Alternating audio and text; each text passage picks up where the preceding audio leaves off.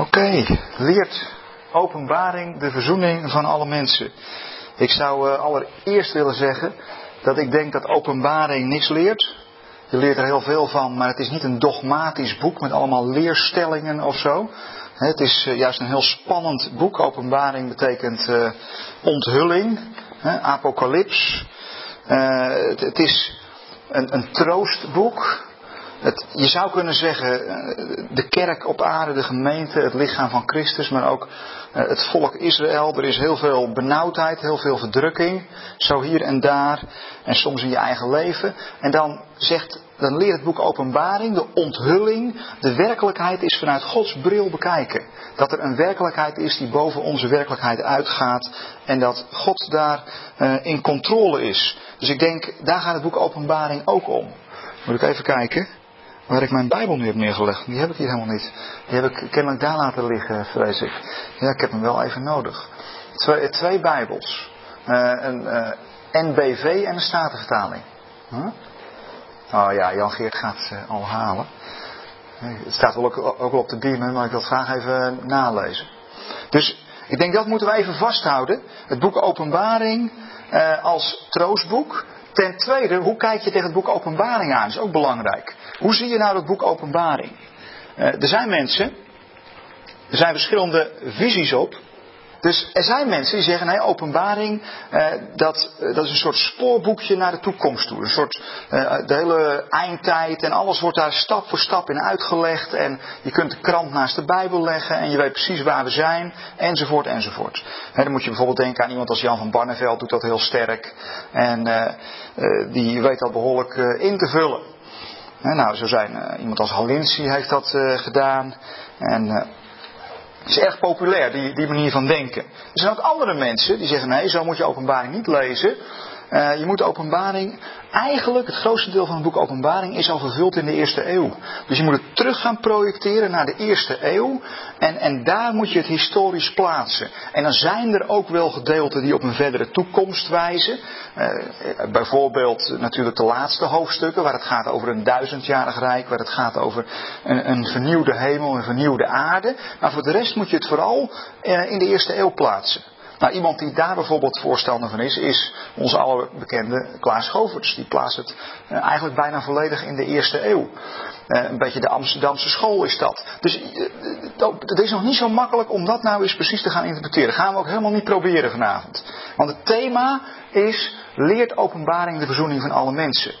wat, wat ik vaak hoor, is van ja, Wim, het is wel leuk wat je vertelt. en je hebt een paar leuke teksten van Paulus erbij bedacht.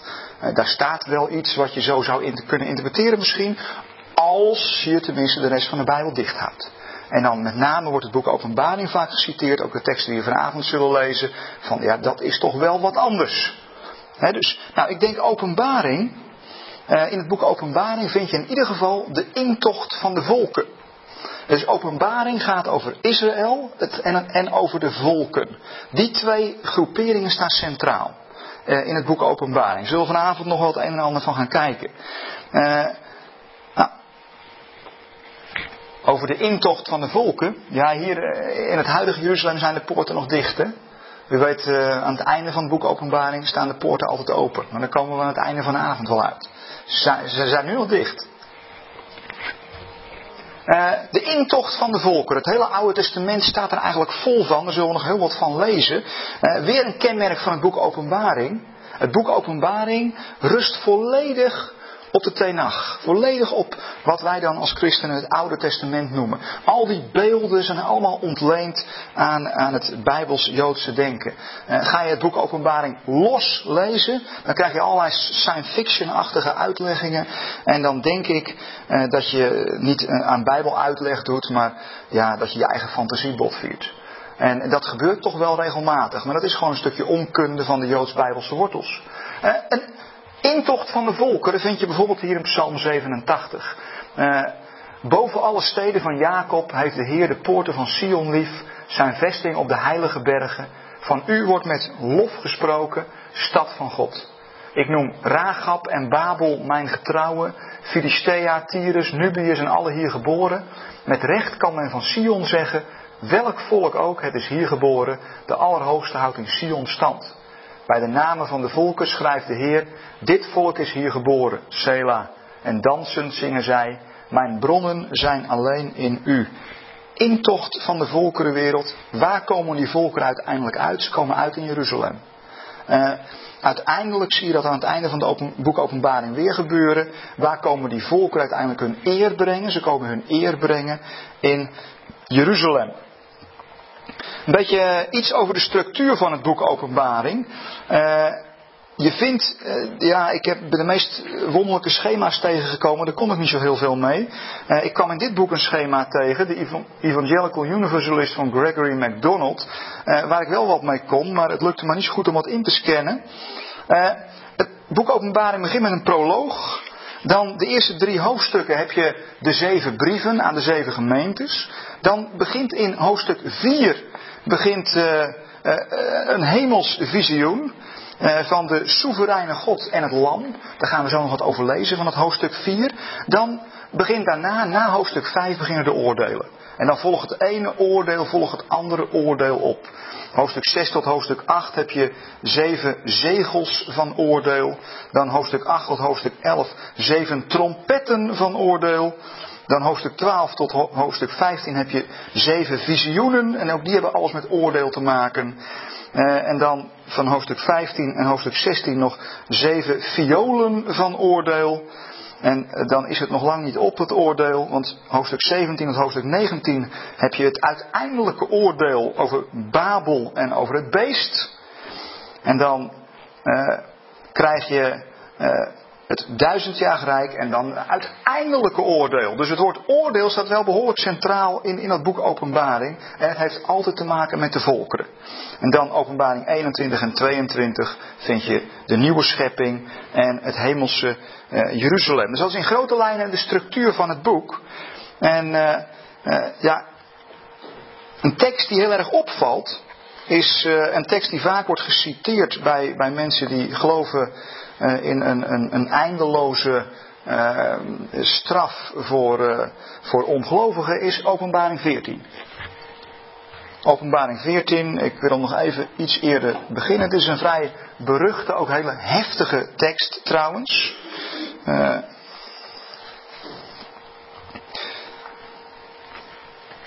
dus leest u hem voor uzelf vast even. Openbaring 14 is eigenlijk als je naar de structuur van het boek kijkt, is dat is, daar werkt het naartoe. Je hebt allerlei oordelen in het boek Openbaring. En Openbaring 14, dat is het toppunt van oordeel van God. Je ziet, uh, uh, ik lees eventjes vanaf vers 6 van Openbaring 14. Kunt u vanaf het scherm meelezen vanaf vers 9.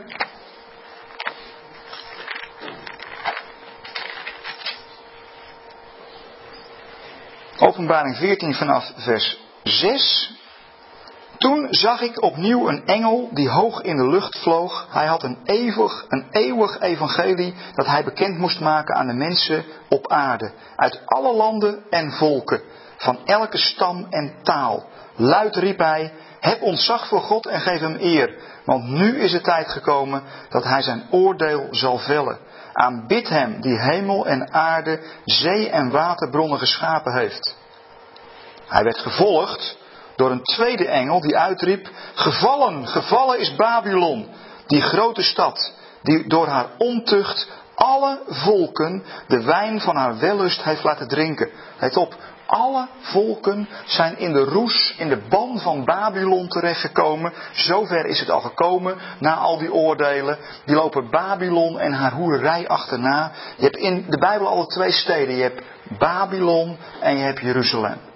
En Jeruzalem staat voor, voor, voor God en voor zijn shalom. En Babel, Babylon, staat voor het rijk van de mens. Het is bijna zeven, maar het is wel zes, zes, zes. En, en al die volken zijn misleid, zijn op beesten achterna gelopen, zijn in de ban van Babylon gekomen. En dan gaat het verder vanaf vers 9. Zij werden gevolgd door een derde engel die met luide stem riep: Als iemand het beest en zijn beeld aanbidt en het merkteken op zijn voorhoofd of zijn hand krijgt, zal hij de wijn van Gods woede moeten drinken, die onverdund in de beker van zijn toren is geschonken. Hij zal in vuur en zwavel worden gepijnigd onder de ogen van de heilige engelen en van het lam. En dan wordt er nog een schep bovenop gedaan. De rook van die pijniging zal opstijgen tot in eeuwigheid. Wie het beest en zijn beeld aanbidden, of wie het merkteken van zijn naam draagt, ze krijgen geen rust, overdag niet en s'nachts niet. He, dus uh, uh, de structuur eventjes kijken. Je hebt de eerste engel, de uh, verkondiging van het evangelie ten opzichte van de rebellerende volkeren. Dan komt de tweede engel, die kondigt de val van Babel aan. En de derde engel, die kondigt de uiteindelijke straf aan voor het beest en zijn volgelingen. Voor al die volkeren dus die Babel achterna gehold zijn. En maar enkele uit die volkeren, die hebben dat merkteken niet. Die komen we elders in openbaring tegen. Die zijn daar uitgekomen. Die, hebben, die wilden het beest niet aanbidden, die wilden dat merkteken niet hebben. Die komen we op andere momenten tegen, daar gaan we nog van lezen. Dat zijn de heiligen. De heiligen uit die volkeren. Maar hier hebben we het overschot van die volkeren, die dus eh, helemaal terechtkomen in dit verschrikkelijke eh, oordeel. Eventjes, uh, vast eventjes kijken. Uh, even een voorschot. Uh, vuur en zwavel. vuur is aan de ene kant vernietigend, aan de andere kant zuiverend. Moet u even vasthouden.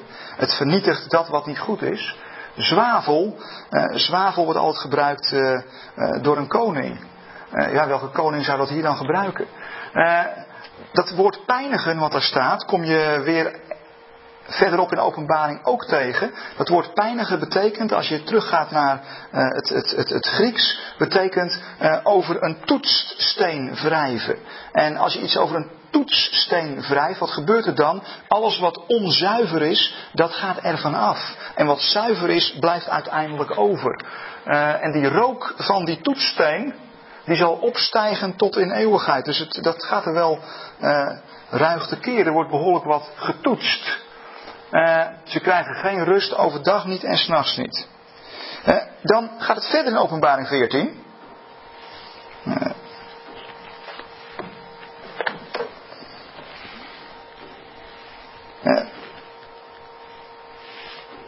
vers 12. Want dan gaat het over de heiligen. Want die heiligen vormen een aparte categorie. De gelovigen in de Heer Jezus. En dan staat er in vers 12, hier komt het aan op standvastigheid van de heiligen, die zich houden aan Gods geboden en aan de trouw van Jezus. Ik hoor een stem uit de hemel zeggen, schrijf op, gelukkig zijn zij die vanaf nu in verbondenheid met de Heer sterven. En de geest beaamt, zij mogen uitrusten van hun inspanningen, want hun daden vergezellen hun. Weet je wat het wonderlijk is van het boek Openbaring? Steeds en dit is eigenlijk het belangrijkste voorbeeld. Het tweede voorbeeld vinden we straks aan het einde van de openbaring. Als er een oordeel komt waarvan je denkt van nou jongens, ja, dit is het. Hier staan we stil en we zeggen sorry, we hebben ongelijk gehad. We stoppen met in perspectief of we gaan, een andere, we gaan de stichting maar anders vormgeven. Uh, want we hebben het misgehad. Maar als je dan doorleest, ik zeg altijd steeds, je moet altijd weer doorlezen. Want als je doorleest, dan zie je dat oordeel wordt gevolgd door ontferming. Uh, je zou denken, nou, dit is einde verhaal, einde oefening. Maar als je dan doorleest in openbaring 15, dan uh, wat chronologisch later komt, als je logisch doorleest, dan, uh, dan lees je daar over een situatie waarin de, de nederlaag van het beest compleet is. Daar lees je dat de heiligen zich verheugen in de toekomstige finale, uiteindelijke overwinning van God. En uh, dan lees je ook iets over die volken. Die volken, waar het hier ook over gaat. Die het beest hebben aanbeden, die met Babel zijn meegegaan. Gaan we straks nog meer over lezen. Hoe gaat het dan verder met die volken? Openbaring 15 vers 2 tot en met 4.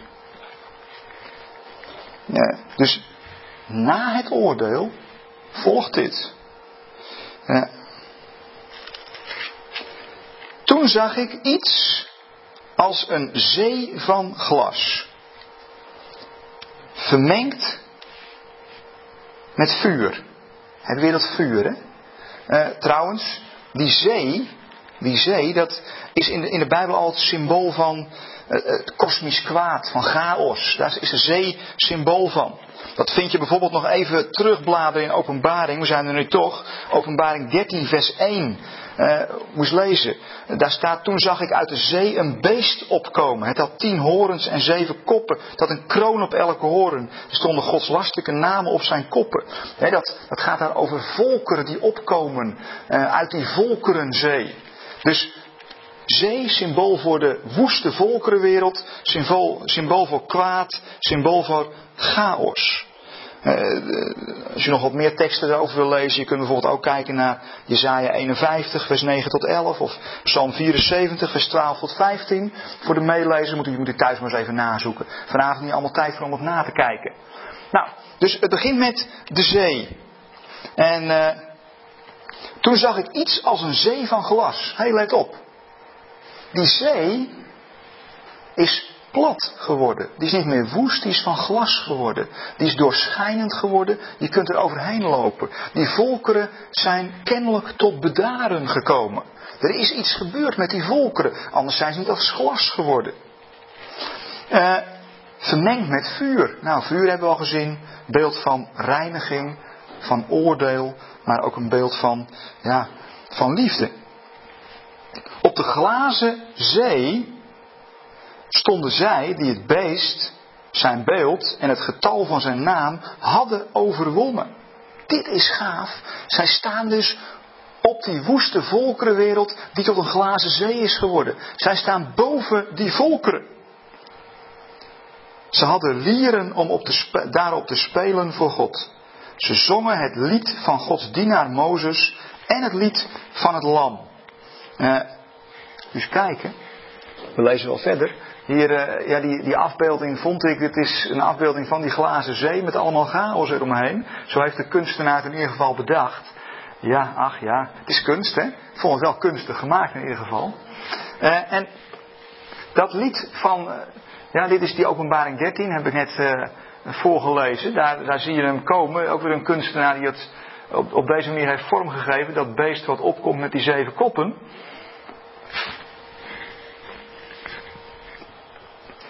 Deze die wilde ik eigenlijk nog even niet hebben, geloof ik. Uh, nee, Mozes die komt pas later. Nou, laten we die nog even wat hij is. Dus we lezen nog even verder in openbaring 15.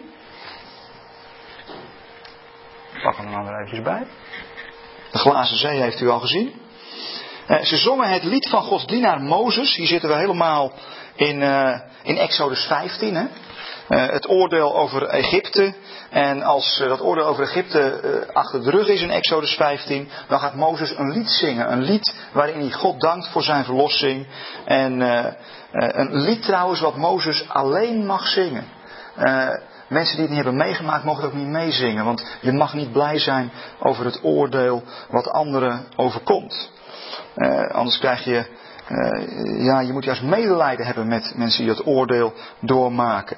Dus dat, dat lied van Mozes. En daarom mogen deze heiligen dat ook alleen maar zingen.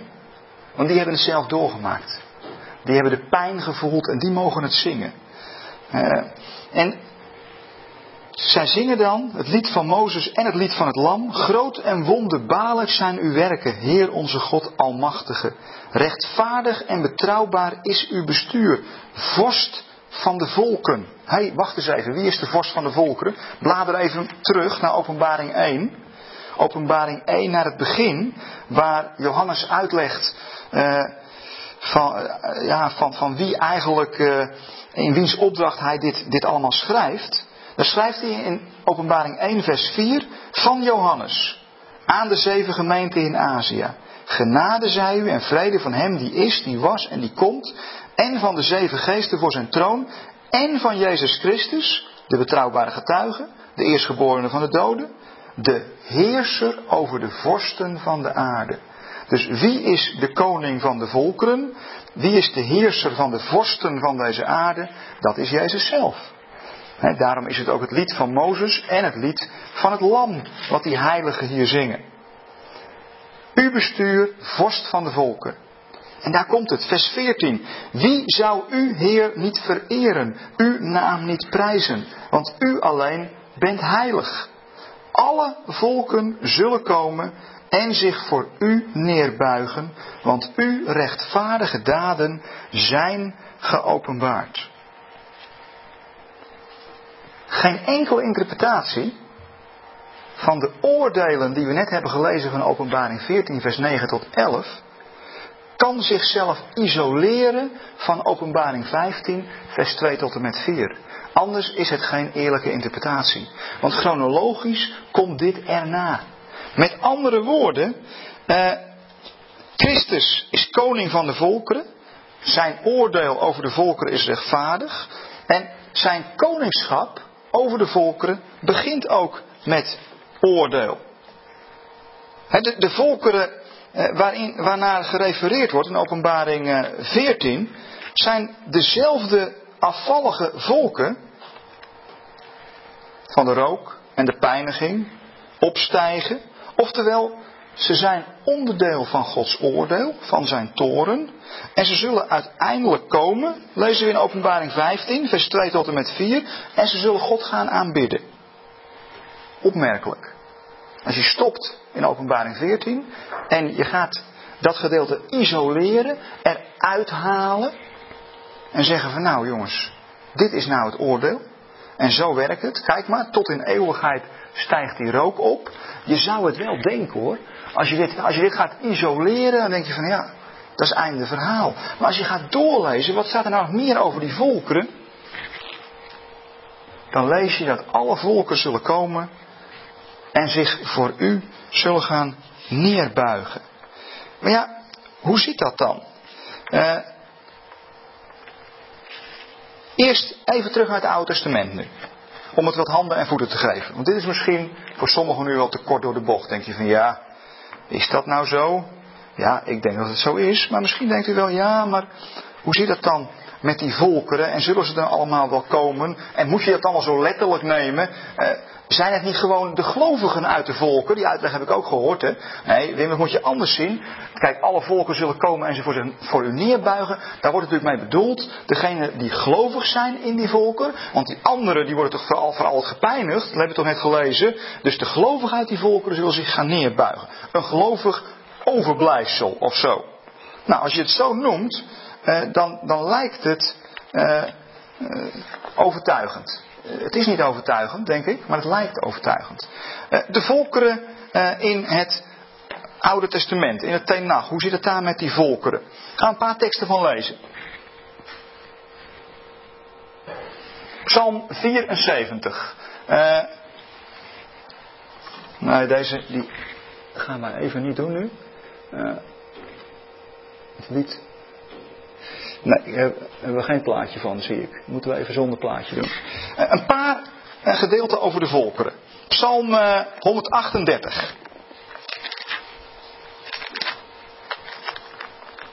de volkeren in de Tenach. Psalm 138.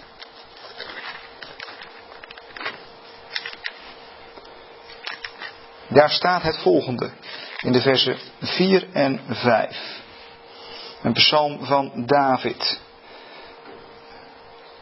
De, de volkerenwereld staat behoorlijk centraal binnen het denken van Israël.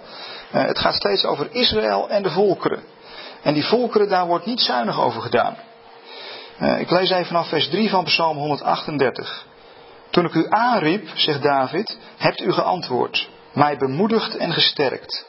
Laten alle koningen op aarde u loven, Heer. Ze hebben de beloften uit uw mond gehoord. Laten zij de wegen van de Heer bezingen. Groot is de majesteit van de Heer. De, Heer is hoog verheven. Naar de nederige ziet hij om. De hoogmoedige doorziet hij van verre. Uh, even wat uh, terugbladeren naar Psalm 102. En houd het thema van de volkeren even vast. Psalm 102 vers 21 en 22.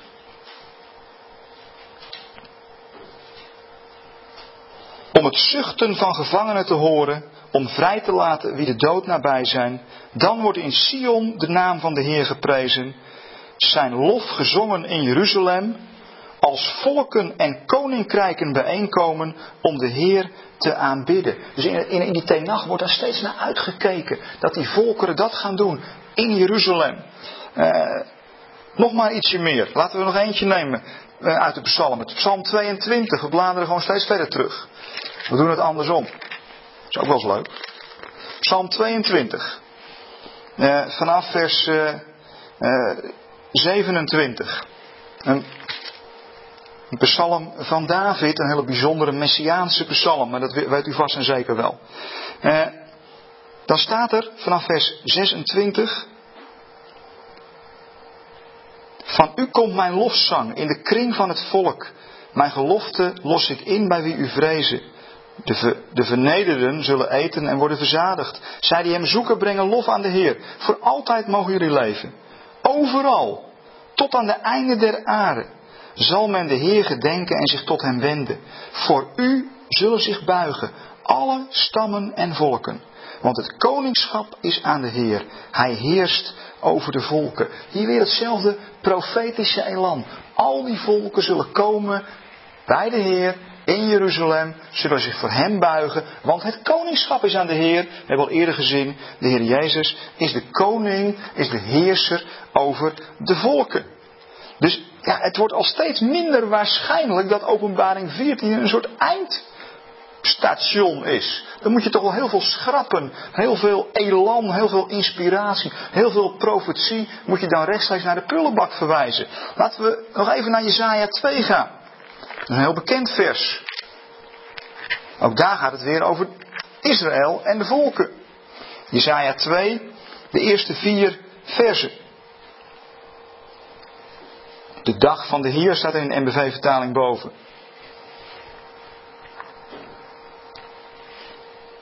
Eens zal de dag komen dat de berg met de tempel van de Heer rotsvast zal staan. Verheven boven de heuvels, hoger dan alle bergen. Alle volken zullen daar samenstromen.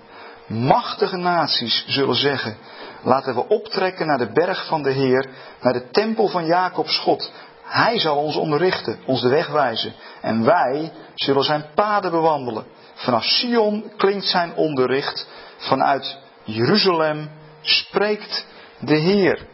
Weer een hele duidelijke. Uh,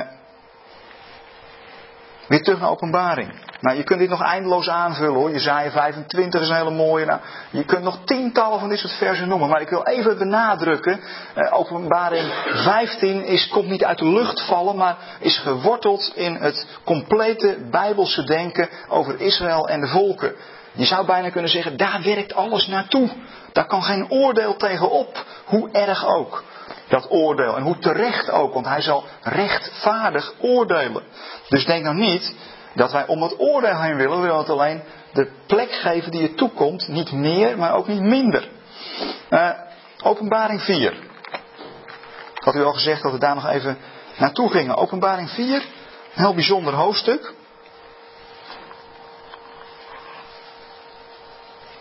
Openbaring hoofdstuk 4 krijgen we even een, uh, een kijkje in de keuken. Of dat klinkt wat onheilig. Een kijkje in de hemel. Uh, daar waar God zit. Dus een kijkje achter de schermen, zou je kunnen zeggen. Johannes die, die heeft het voorrecht dat hij even achter de schermen mag kijken. Lees u eens mee. Gaan we eventjes de hemel in. Nou had u ook niet gedacht vanavond toen hij hier kwam, dat hij daar zou komen vanavond. En er staat in vers 1 van openbaring 4.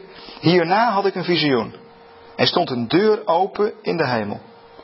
De stem die hem eerder had toegesproken met het geluid van een bazuin, zei nu: Kom hierboven, dan laat ik je zien wat er hierna gebeuren moet. Op hetzelfde moment raakte ik in vervoering. Hij ging aan zijn dak.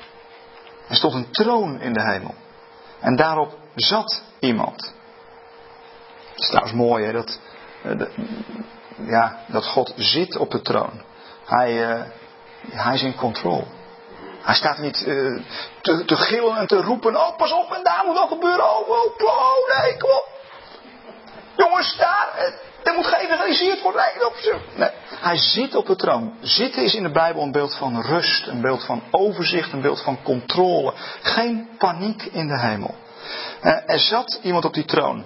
Degene die daar zat had een uiterlijk als van jaspis en sarder. En rond de troon was een regenboog die eruit zag als smaragd. Om de troon stonden 24 andere tronen waarop 24 oudsten zaten. We laten al deze beelden nu even wat ze zijn. Want eh, we focussen ons op, op ons onderwerp. Ze droegen witte kleren, hadden een gouden krans op hun hoofd en van de troon gingen bliksemschichten uit, een donderslagen en groot geraas.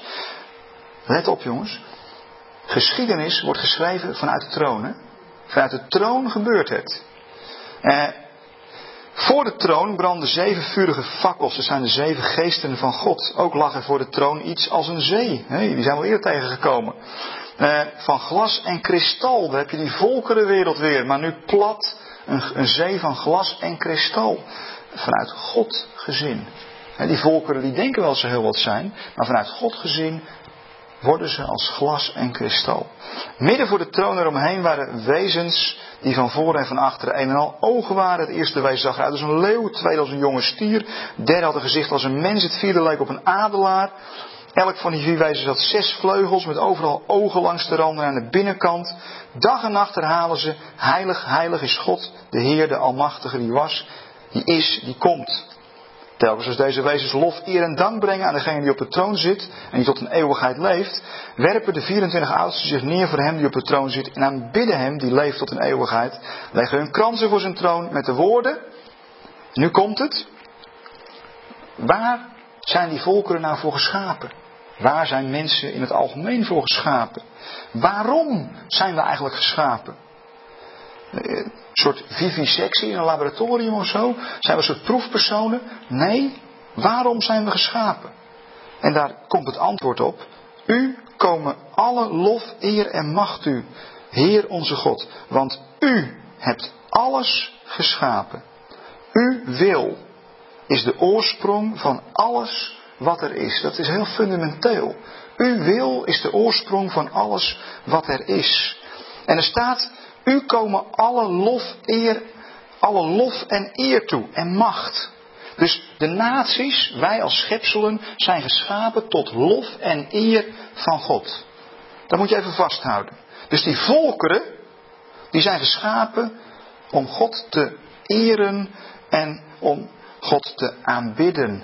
En ik denk, dan moet je af van het idee dat je al aan het zingen bent hoor. Dat is hier de vorm, maar eren en aanbidden is een levensstijl, is een manier van leven, is een manier van met elkaar omgaan. God wil partners. Hij wil mensen die tegenover hem staan. En, uh, en, en dat is eer, dat is lof. Daarin heeft hij plezier. Maar in plaats van dat die volkeren hem gaan eren en aanbidden, lees je in openbaring, gaan ze in rebellie. Eh, de beest, het beest, openbaring 13, laten we wat verder bladeren. Het beest krijgt uiteindelijk autoriteit over die volkeren. Dus lezen in openbaring 13, vers, uh, vers 7. Dat beest, samen met de antichrist, die gaat zich verheffen tegen Christus, tegen God. En dan lees je in vers 7, dat beest het mocht de strijd met de heiligen aanbinden en hen overwinnen. Dat is krankzinnig, hè? Moet je je even voorstellen. Soms hebben we als christenen het idee van, beste mensen, wie doet ons wat? En hier staat dat beest, krijgt de autoriteit om ons te overwinnen. Wij worden, eh, die gelovigen in die periode van de geschiedenis, worden overwonnen. En dat gaat dan nog verder. Ook kreeg het de macht over alle landen en volken. Over mensen van elke stam en taal. Alle mensen die op aarde leven zullen het beest aanbidden. Iedereen van wie de naam niet vanaf het begin van de wereld in het boek van het leven staat. Het boek van het lam dat geslacht is. Heel wonderlijk gebeuren hier. dus dat beest krijgt autoriteit over alle volkeren. Alle volkeren die geschapen zijn om God te eren en te aanbidden, in plaats daarvan gaan ze in rebellie. In plaats daarvan uh, gaan ze meedoen in de zonden van Babylon en delen in het oordeel van Babylon. Uh, nou, dat hebben we al gelezen in Openbaring 14. Laten we nog even Uh, die hebben we net al met elkaar gelezen, die openbaring 14 tekst.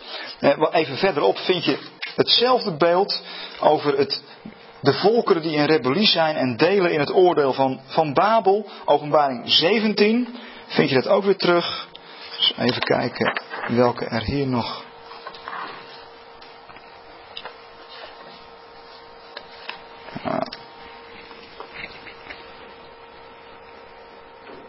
Hier hebben we het, hè, vers 6. Uh, het beest wat de macht krijgt over alle volkeren, over alle naties op de aarde. Uh, openbaring 14, vers 8. Vind je dat dan ook nog even een keer? Uh, hij werd gevolgd door een tweede engel. Gevallen is Babylon de grote stad. Die door haar ontucht alle volkeren de wijn van haar wellust heeft laten drinken. Dus die volkeren gaan Babylon achterna. Die gaan in die rebellie. Uh, vers openbaring 17 vind je dat weer. Uh, open, nou, die niet gekozen. Openbaring 18, daar vind je de latere oordelen. Want het gaat gewoon verder hè, in de structuur van openbaring. Na openbaring 14. Alle volken hebben door haar ontucht de wijn van een wellust gedronken. De koningen op aarde hebben ontucht met haar gepleegd. En de handelaars op aarde zijn van haar overvloedige weelde rijk geworden. Dus dat gaat maar door en dat gaat maar door tot aan openbaring 19 aan toe. Openbaring 19 als uh, uiteindelijk uh, Christus gaat ingrijpen. Nog het einde van openbaring 18 eerst. Uh, waarom nou zo eindeloos over het oordeel over die volkeren? Nou, het moet even heel duidelijk zijn dat die volkeren aan het rebelleren zijn. Dat ze in opstand zijn tegen God. In opstand tegen Jezus. In de ban van het beest. En uh, daar achteraan lopen. Daar rijk van worden. Religieus daar achteraan lopen. Uh, de hoererij met het beest. Dat is vaak een kwestie van afgoderij. Uh, nog maar een keer in openbaring 18. hier vinden we weer, steeds weer die, die scherpe oordeelstoon. Het licht van de lamp zal nooit meer in je schijnen. Het feestgedruis rond bruid en bruidegom zal in jou nooit meer te horen zijn. Eens waren je handelaars de groten der aarde, alle volken bezweken voor je toverij. Hele duidelijke, uh, harde uh, taal. Uh, dan komt degene, dan komt Christus met zijn leger engelen. nog een keer in openbaring 16. De grote stad, want wat gaat er dan met Babel gebeuren? De grote stad viel in drie stukken uiteen. En de steden van alle volkeren werden verwoest. Het grote Babylon moest het ontgelden. God gaf het de beker met de, met de wijn van zijn hevige uh, woede. En dus, ja, zeg nou niet dat we met in perspectief dat we niet in Gods oordeel geloven. Dit is duidelijke taal. En dit, dit gaat heel diep. En het gaat. Het, het, God is boos. Het geeft de wijn van zijn woede. Het gaat om verwoesting, het gaat om toren. Maar het is ook niet niks, want die volkeren die hebben zich verschrikkelijk misdragen. Op allerlei uh, manieren. En uh, dan komt dat, dat oordeel uh, van God. Dus de naties zijn het onderwerp van Gods oordeel. Dat mogen duidelijk zijn. dat vind je ook weer heel kernachtig in openbaring 19. Openbaring 19, wat eigenlijk weer, we hebben gezien hè, die eerste reeks van oordelen vindt zijn hoogtepunt in openbaring 14. En dan krijgen we daarna ontferming. De tweede reeks van oordelen, waar we nu het een en ander over gelezen hebben, vindt zijn hoogtepunt in openbaring 19. En daarna krijgen we weer de omslag in openbaring 21, 21 en 22. Dus je ziet bij openbaring 14 zie je een hele reeks van oordelen. Die zijn hard en die zijn scherp. En daarna krijg je ontferming. Daarna krijg je herstel. Daarna vind je weer zo'n reeks van oordelen. Van openbaring 15 tot en met openbaring 19 aan toe. En daarna, eh, eigenlijk tot en met openbaring 20 aan toe, hè, want daarna heb je ook nog het oordeel. En daarna krijg je dan in hoofdstuk 21 en 22 weer de omslag. En steeds weer, dus met andere woorden, het oordeel in het boek Openbaring, zeer nadrukkelijk aanwezig en zeer uitgebreid aanwezig, is altijd ingeklemd in ontferming. Je komt altijd weer bij die ontferming uit. Want het doel van de volkeren is dat ze God gaan aanbidden. En de weg daar naartoe is hard. Dat is duidelijk voor die volkeren. Omdat ze in rebellie gaan. En dat ze dus keihard hun hart, hun hoofd stoten. maar uh, het doel is dat ze God gaan aanbieden. Daar is het hele Oude Testament vol van. En daar loopt openbaring ook steeds weer, weer op uit. En als je dat doel mist en je focust alleen op die oordelen, uh, dan krijg je een totaal ander godsbeeld. En uh, ja, dan wordt het allemaal heel erg eng. En dan kan ik me voorstellen dat je denkt, het boek Openbaring, is dat een troostboek? Nou, mooi troostboek is dat. Ja, het is een troost als je wordt vervolgd en onderdrukt. Want die heiligen, die leden onder die volkeren. Dat doen ze nu trouwens ook. Hè? Er is nog nooit zoveel christenvervolging geweest als nu op dit moment. De heiligen lijden daaronder. En dat doet God wat. Daar is hij boos over. En uh, woedend zelfs, dat Heer. En, en die heiligen, die weten, ja maar God gaat wel rechtvaardig oordelen. Hij laat het er niet bij zitten. En, uh, en dus dat is, dat is een troost. Dat is een troost als je, sta, als je midden in dat oordeel je bevindt. Bijvoorbeeld zoals in de eerste eeuw. Want het is natuurlijk geen onzin dat, dat het in de eerste eeuw behoorlijk wat vervuld hiervan is. Uh, zijn er dan, uh, is het dan ook een spoorboekje voor de toekomst? Ja, misschien wel, maar ik ben er altijd een beetje voorzichtig in. Je krijgt al snel allerlei speculaties. Dus de naties zijn het onderwerp van Gods oordeel. Uh, Gods oordeel. Dat vind je bijvoorbeeld ook weer in Openbaring 19. het vijftiende, het, het veertiende vers, eh, daar zie je het beest en zijn profeet verslagen. Nou, laten we deze eens bijpakken. Een, een, een, een kunstenaar heeft geprobeerd het op deze manier weer te geven wat hier staat in openbaring 19. Ik zag vanaf vers 11 dat de hemel geopend was en dit zag ik. Een wit paard met een ruiter die trouw en betrouwbaar heet, die een rechtvaardig vonnis velt en een rechtvaardige strijd voert. Zijn ogen waren als een vlammend vuur en op zijn hoofd had hij veel kronen. Er stond een naam op hem geschreven die niemand kende, alleen hij zelf. Hij droeg met bloed doordrenkte kleren. Zijn naam luidde Woord van God. De hemelse legermacht, gekleed in zuiver wit linnen, volgde hem op witte paarden. Uit zijn mond komt een scherp zwaard waarmee hij de volken zal slaan. En hij zal hen met een ijzeren herderstaf hoeden. Hij zal de wijnpers van de hevige woede van de Almachtige God treden. Op zijn kleding en op zijn dij staat de naam Hoogste Heer en Koning. En dan in vers 19 de, de, de tegenstander. Ik zag het beest en de koningen op aarde zich met hun troepen hadden verzameld om oorlog te voeren met de ruiter op het paard en zijn legermacht. Het beest werd gevangen genomen, samen met de valse profeet, die in, zijn bijzaam teken had verricht, waardoor hij iedereen had misleid, die het merkteken van het beest droeg en zijn beeld aanbad. Levend werden ze in de vuurpoel met brandende zwavel gegooid. De rest werd gedood door het zwaard dat uit de mond van de ruiter op het paard kwam en alle vogels aten zich vol aan hun vlees. Dan krijg je in openbaring 20 krijg je het. Dus hier, is, hier heb je wel dat, dat ultieme oordeel. In, uh, in openbaring 20, dan krijg je dat duizend jaar rijk waar dat beest opgesloten zit. Uh, waar die vast zit. En dan aan het einde van duizend jaar rijk wordt dit oordeel eigenlijk nog weer voortgezet. En dan staat er, openbaring 20, vers 7. Tijdens dat duizend jaar rijk zullen die heiligen uh, zullen uh, heersen. Samen met de Messias. Israël samen met de Messias op de troon. En dan in vers 7. Wanneer de duizend jaar voorbij zijn, zal Satan uit zijn gevangenis worden losgelaten. Dan gaat hij erop uit, hier hebben we het weer, om de volken aan de vier hoeken van de aarde, Gog en Magog te misleiden. Hij brengt hen voor de strijd bijeen. Een menigte zo talrijk als zandkorrels aan de zee. Dus die volkeren gaan opnieuw in rebellie. Het lijkt ons nooit leren, zou je bijna zeggen. Ze worden opnieuw misleid. Dat wel. Uh, ze trekken op over de hele breedte van de aarde, omsingelen het kamp van de heilige en de geliefde stad. Maar vuur daalt neer uit de hemel en verteert hen. En de duivel die hem misleidde wordt in de poel van vuur en zwavel gegooid bij het beest en de valse profeet.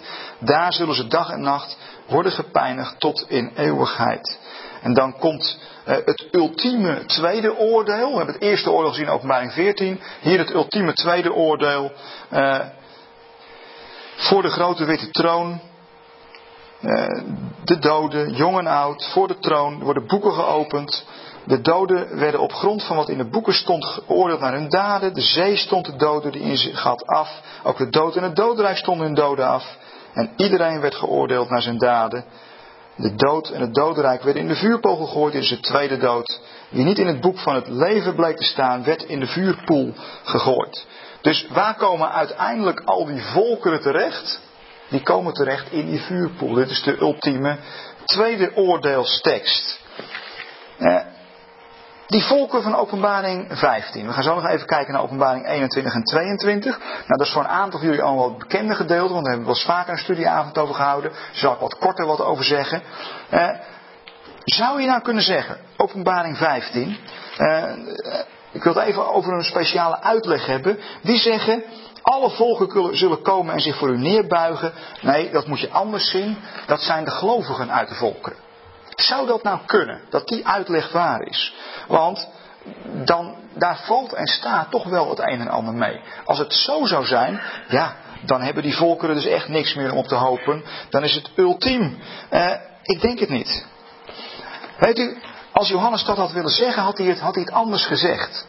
Want, moet eens kijken in openbaring 5, vers 9. Eh, want de heiligen worden nooit geïdentificeerd met de volkeren. De heiligen, de gelovigen. Die worden altijd apart genoemd. Als je, als je openbaring 5 leest, openbaring 5 gaat het over die heiligen. Openbaring 5 vers, uh, vers 9. Daar worden ze met name genoemd. Uh, ze zijn daar weer aan het zingen. Uh, ja, er worden die heiligen toch al heel wat gezongen. En ze zetten een nieuw lied in, de heiligen. U verdient het om de boekrol te ontvangen en zijn zegels te verbreken, want u bent geslacht en met uw bloed hebt u voor God mensen gekocht uit alle landen en volken, van elke stam en taal. U hebt voor onze God uit hen één koninkrijk gevormd en hen tot priesters gemaakt. Zij zullen als koningen heersen op aarde. Let goed op, de heiligen, daarvan wordt gezegd, u hebt hen uit alle landen en uit alle volkeren gehaald. Dus oftewel, de heiligen worden niet geïdentificeerd met volken. Nee, er wordt juist gezegd, zij worden geïdentificeerd met het feit dat ze uit die volken zijn gehaald. Dus de heiligen zijn degenen die uit de volkeren uitgeroepen zijn. Dus hen identificeren met de volkeren, dat is geen Bijbeluitleg, maar dat is een interpretatie die je op grond van de Bijbel echt niet kunt maken. Dan ga je de Bijbel uit de buik spreken. Uh, en dan pas je het een beetje aan aan je eigen theologie. Uh, hetzelfde vind je weer in Openbaring 7, uh, eh, het negende vers.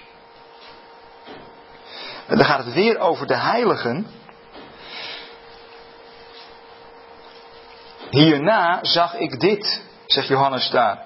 Een onafzienlijke menigte die niet te tellen was. En dan komt het weer uit alle landen en volken, van elke stam en taal.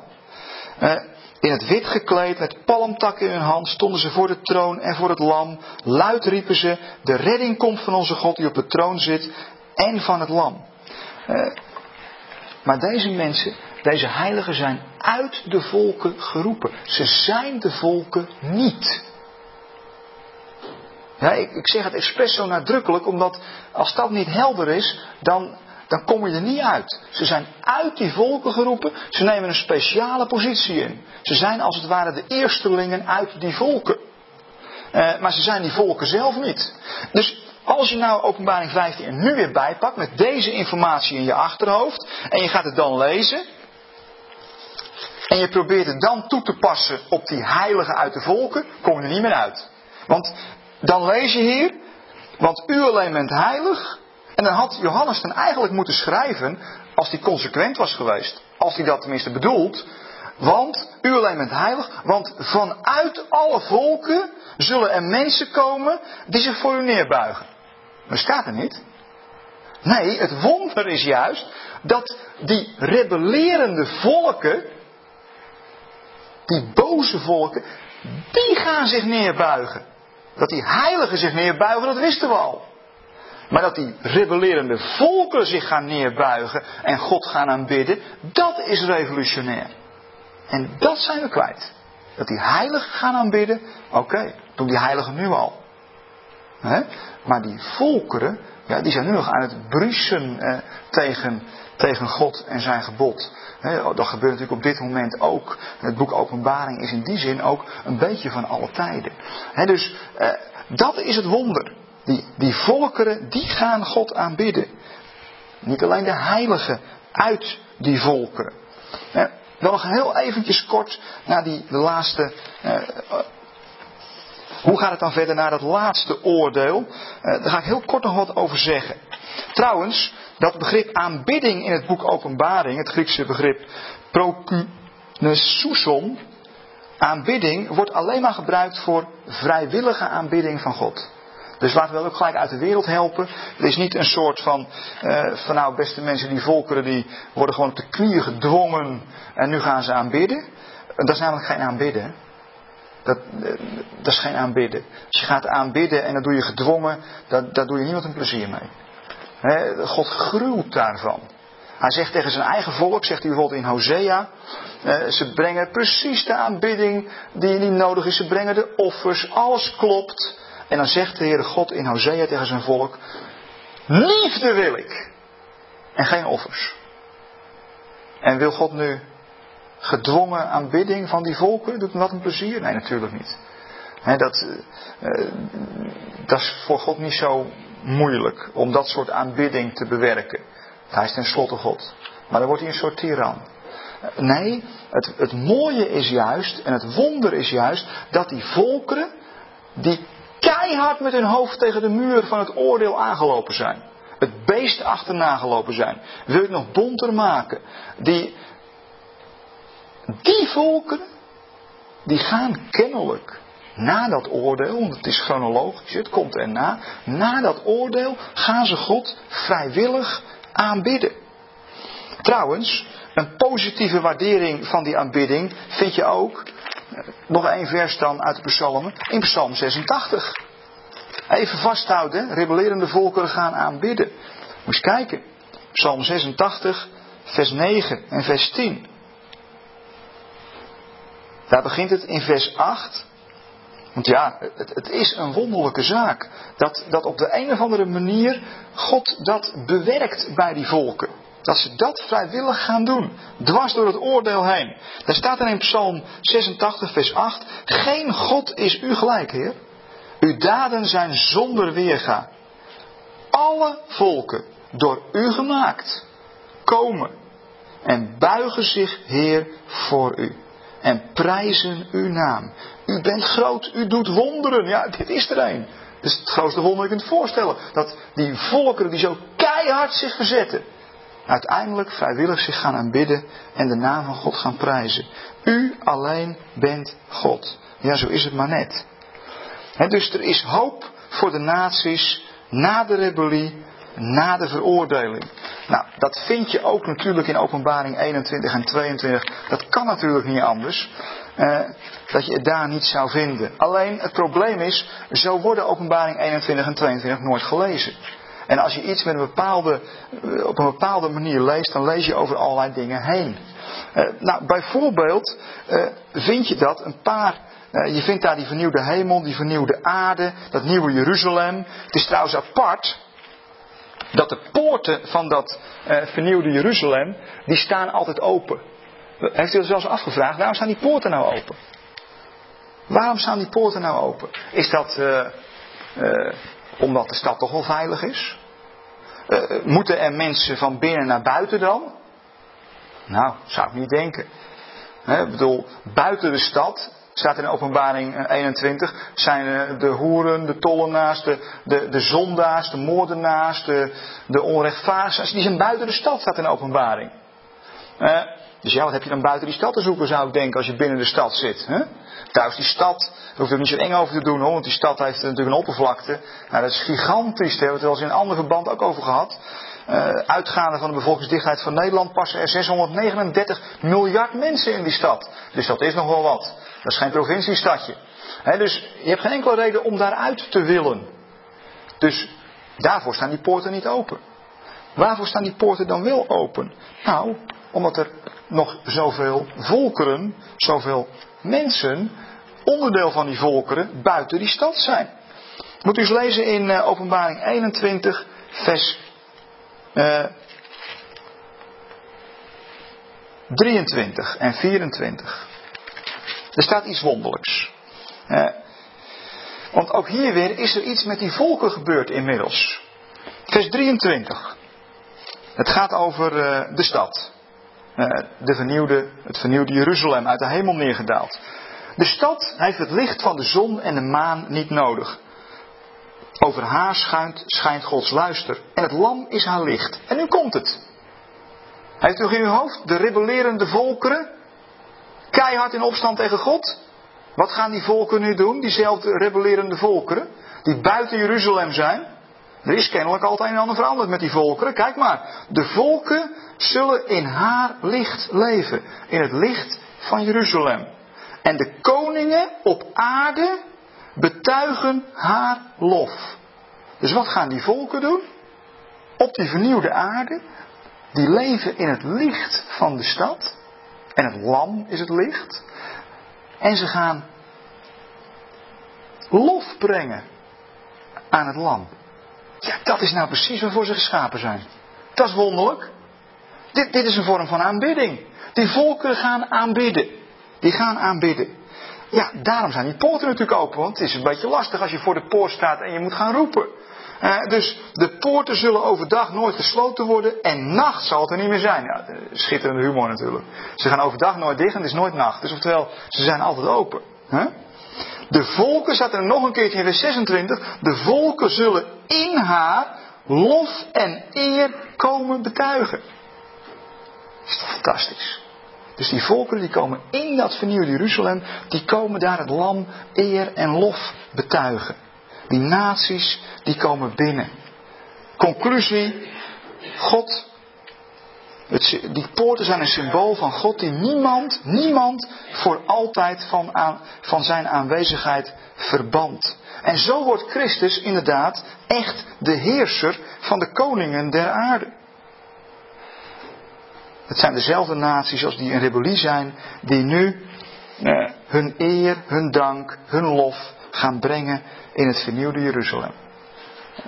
Hier gaan we het even bij laten. Zo staat dus openbaring, zelfs openbaring, of zelfs openbaring, wat raar eigenlijk, want uiteindelijk is God natuurlijk de auteur. Maar zo staat ook openbaring uiteindelijk in dienst. Eh, ja, kun je daaruit uh, concluderen, en daar hoef je helemaal geen gekke kronkels voor te ondernemen. Ik zou eerder zeggen, je moet gekke kronkels ondernemen om het niet te kunnen concluderen, uh, dat God uiteindelijk alle mensen zal gaan verzoenen.